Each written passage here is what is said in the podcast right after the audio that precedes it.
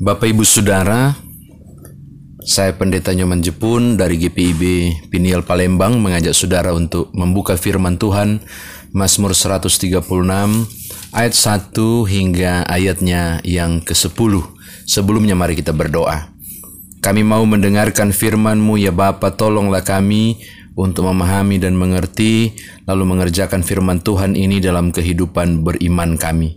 Terpujilah namamu berfirmanlah. Demi Yesus Kristus firman yang hidup kami berdoa. Amin. Mazmur 136 ayat 1 hingga yang ke-10 Bersyukurlah kepada Tuhan sebab ia baik bahwasannya untuk selama-lamanya kasih setianya. Bersyukurlah kepada segala Allah bahwasannya untuk selama-lamanya kasih setianya. Bersyukurlah kepada Tuhan segala Tuhan bahwasannya untuk selama-lamanya kasih setianya kepada dia yang seorang diri melakukan keajaiban-keajaiban besar, bahwasannya untuk selama-lamanya kasih setianya. Kepada dia yang menjadikan langit dengan kebijaksanaan, bahwasannya untuk selama-lamanya kasih setianya. Kepada dia yang menghamparkan bumi di atas air, bahwasannya untuk selama-lamanya kasih setianya. Kepada dia yang menjadikan benda-benda penerang yang besar, bahwasannya untuk selama-lamanya kasih setianya. Matahari untuk mengawasi siang, bahkan bahwasannya untuk selama-lamanya kasih setianya. Bulan dan bintang-bintang untuk menguasai malam, bahwasannya untuk selama-lamanya kasih setianya. Kepada dia yang memukul mati anak-anak sulung Mesir, bahwasannya untuk selama-lamanya kasih setianya. Demikian firman Tuhan, saudara dan saya dikatakan berbahagia mendengarkan firman Tuhan ini, merenungkannya, memberitakannya istimewa, melakukan dalam iman kita.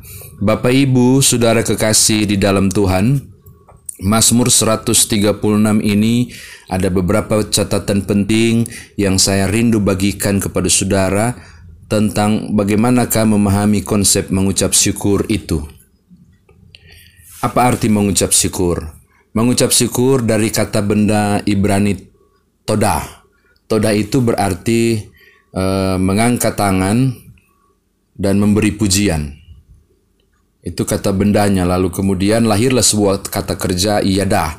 Iyadah ini terdiri dari dua suku kata Yahweh dan dah tadi di todah yang artinya bersyukur atau memberikan apresiasi atau aku mengangkat tangan kepada Yahweh. Sehingga bersyukur berarti mengucap menyampaikan kata-kata pujian kepada Yahweh. Maknanya sangat penting. Kegiatan mengangkat tangan sambil menengadah ke atas untuk membuat pengakuan tentang hal-hal yang diperbuat Tuhan.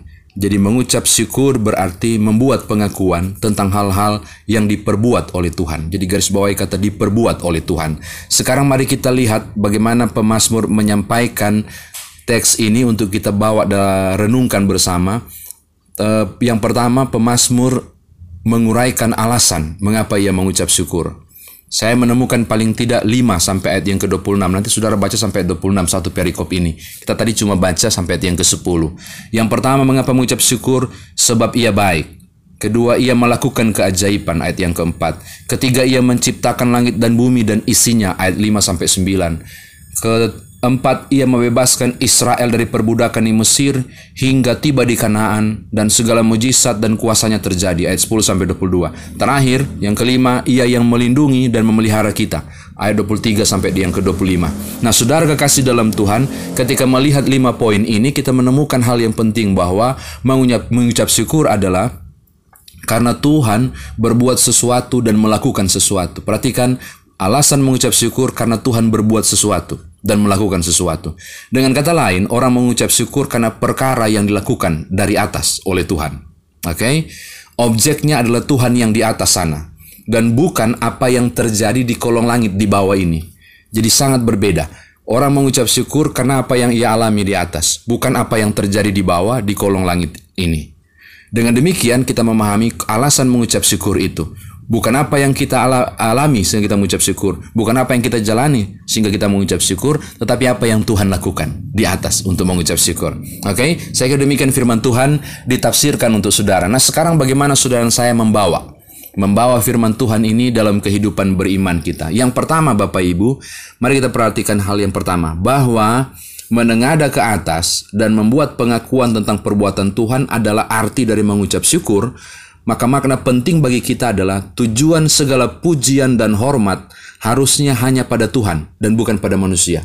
Karena objek ucapan syukur kita ada pada Tuhan, maka firman Tuhan mau katakan kepada saudara, ketika engkau mengucap syukur, seharusnya yang ditinggikan, yang dipuji itu Tuhan.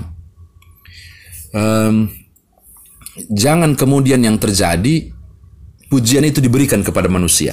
Hal sederhana begini, uh, untung le kita ada bye-bye. Itu itu orang uh, logat Manado. Kalau kita nyandak ke situ, pasti nyandak berhasil. Itu keliru, saudara. Bukan karena engkau baik-baik, tapi karena Tuhan yang bikin engkau baik-baik.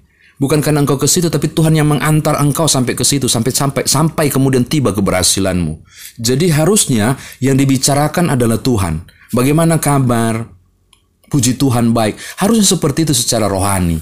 Bahwa orang percaya menyebut perbuatan Tuhan sebagai tanda yada atau mengucap syukur. Yang kedua, Temukan alasan mengucap syukur. Saudara perhatikan 26 ayat di Mazmur 136 yang kita cuma baca sampai yang ke-10. Pemazmur mendaftarkan perbuatan-perbuatan yang Tuhan lakukan. Apa artinya? Pemazmur menemukan alasan bersyukur. Kita pun seharusnya perlu memberi alasan mengapa kita bersyukur. Lalu ketika menemukan alasan itu kita sampaikan kepada Tuhan. Eh, contoh sederhana Bapak Ibu. Ketika saudara bangun pagi, itu adalah tanda bahwa Tuhan menjaga kita saat tidur malam. Maka kemudian kita mengucap syukur. Saudara seharusnya mengucap syukur bukan karena bangun pagi, tapi saudara mengucap syukur karena Tuhan jaga selama tidur malam. Jadi perbuatan Tuhan yang disampaikan bukan keadaan saudara yang disampaikan, perbuatan Tuhan yang disampaikan. Memulai hari baru di hari ini kita temukan alasan supaya sang halik yang ditinggikan, sang haliklah yang diagungkan sehingga kita mengangkat syukur.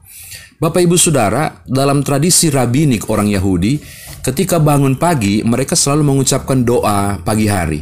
Doa itu disebut dengan modeani dalam bahasa Ibrani. Modeani itu berarti aku bersyukur, aku berterima kasih karena aku sudah bangun. Uh, thanks God I'm alive. Mengandung makna di sana, Tuhan menjagaku sepanjang malam. Perhatikan baik-baik bahwa yang didaftarkan dalam mengucap syukur adalah bukan apa yang aku alami, tapi apa yang Tuhan perbuat. Terakhir yang ketiga Bapak Ibu Saudara. Kita mengucap syukur karena apa yang Tuhan perbuat. Lagi-lagi saya selalu katakan ini. Jadi apa pun yang terjadi di kolong langit ini harusnya tidak menjadi alasan saudara untuk mengucap syukur. Banyak orang bersyukur karena sehat. Banyak orang bersyukur karena tamat studinya. Banyak orang bersyukur karena bisnisnya berhasil, promosi kenaikan pangkat, dan lain sebagainya. Bagi saya itu kekeliruan besar karena tidak alkitabiah. Mengucap syukur yang benar adalah kita bersyukur bukan apa yang kita alami, tapi kita bersyukur tentang apa yang Tuhan perbuat dalam hidup saudara. Bahwa ketika engkau sehat berarti Tuhan menganugerahkan kekuatan kesehatan. Ketika engkau tamat studi berarti Tuhan menganugerahkan saudara hikmat, kemampuan roh, kepintaran, dan seterusnya. Engkau bersyukur karena Tuhan buat sesuatu, bukan karena engkau alami sesuatu. Jadi tidak heran, bahkan ada orang yang akhirnya tidak mampu bersyukur karena sakit atau gagal. Tidak bisa bersyukur karena susah hidup. Orang hanya bisa bersyukur karena kesenangan. Mengapa?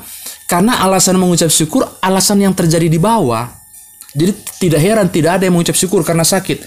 15 tahun saya 16 eh, tahun saya jadi pendeta, 16 tahun saya jadi pendeta. Saya tidak pernah diundang mengucap syukur, Pak Pendeta, kita mau ibadah syukur. Oh, dalam rangka apa?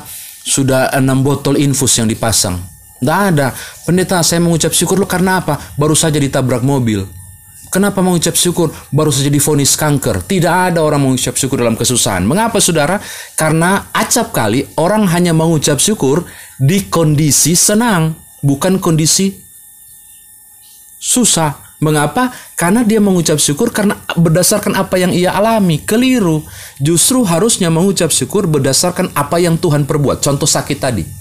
Seharusnya kita bisa mengucap syukur. Mengapa? Sebab sakit adalah tanda Tuhan berbuat sesuatu, yaitu membuat saudara mengalami rehat di tengah kesibukan barangkali, saya tidak tahu. Bahkan saya berani mengatakan kematian harusnya orang bisa mengucap syukur. Mengapa? Karena menurut Wahyu 14 ayat 13, kematian adalah cara yang Tuhan buat untuk membuat orang beristirahat dari lelah mereka.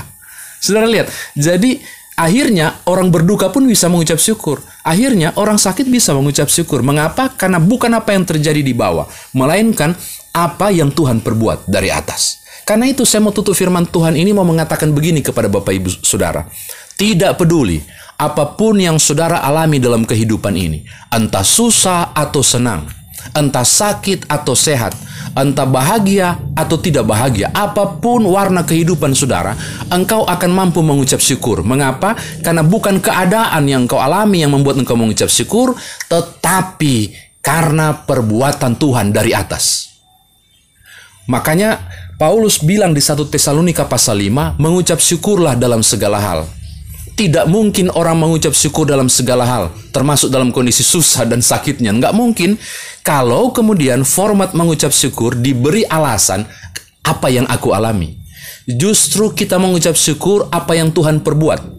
Mau susah kayak saya, saya tahu Tuhan perbuat sesuatu yang baik. Apa itu? Rancangan Tuhan, rancangan damai sejahtera. Apa itu? Segala sesuatu akan indah pada waktunya. Maka di saat susah sekalipun, kita mampu mengucap syukur karena kita tahu Tuhan sedang membuat sesuatu yang baik secara iman. Jadi satu Tesalonika pasal 5 mengucap syukur dalam segala hal dapat kita lakukan karena kita menemukan alasan mengucap syukur, yaitu apa yang Tuhan perbuat. Maka saya mau tutup firman Tuhan ini dan mengatakan kepada saudara, apa hidup saudara, engkau sakit barangkali, engkau terisolasi barangkali, rumah tanggamu, suamimu, istrimu, anak-anakmu, oh, whatever.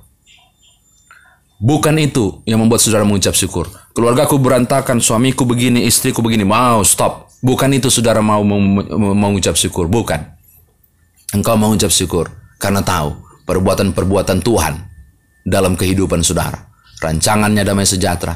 Dan kemudian Tuhan membawa saudara pada kondisi indah pada waktunya. Konsepnya adalah Tuhan tidak pernah membuat jahat.